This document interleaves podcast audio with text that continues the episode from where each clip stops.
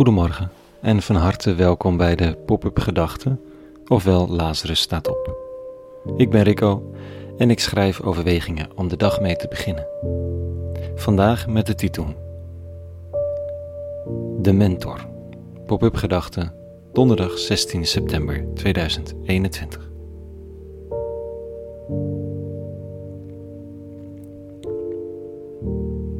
Het is lang nog niet altijd makkelijk om een goede manier te vinden om je eigen kwaliteit onder ogen te zien. Een fenomeen wat intussen ook een eigen psychologische naam heeft gekregen is het oplichterssyndroom.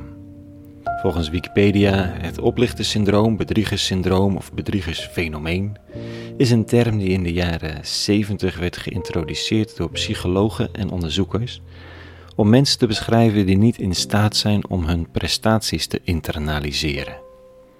Ondanks externe bewijzen van hun competentie, blijven mensen met het syndroom ervan overtuigd dat ze bedriegers zijn en hun succes niet verdienen.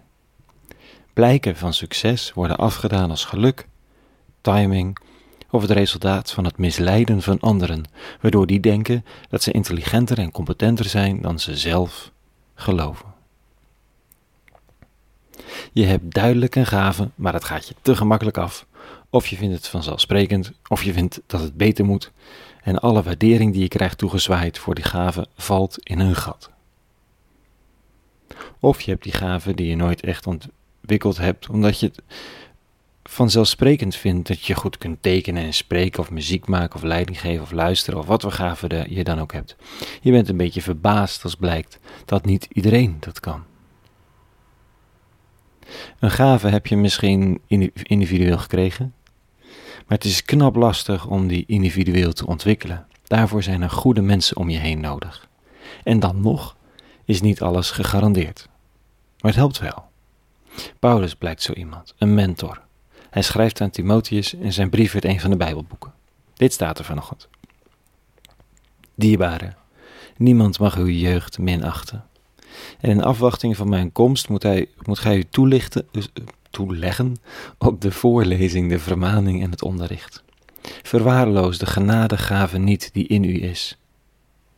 En die u krachtens een profetenwoord werd geschonken onder handopleggen van de gezamenlijke presbyters. Neem dit alles ter harte, ga er geheel in op. Dan zullen uw vorderingen voor allen zichtbaar zijn. Blijf voortdurend zorg besteden aan uzelf en aan uw onderricht. Heb je dan de gave? Verwaarloos die dan niet, zegt Paulus. Je omgeving heeft die gave erkend, dus neem dat van hen aan, neem het ter harte, ga er geheel in op. Dan zullen uw vorderingen voor allen zichtbaar zijn. Waarmee je natuurlijk ook de steun van je omgeving behoudt.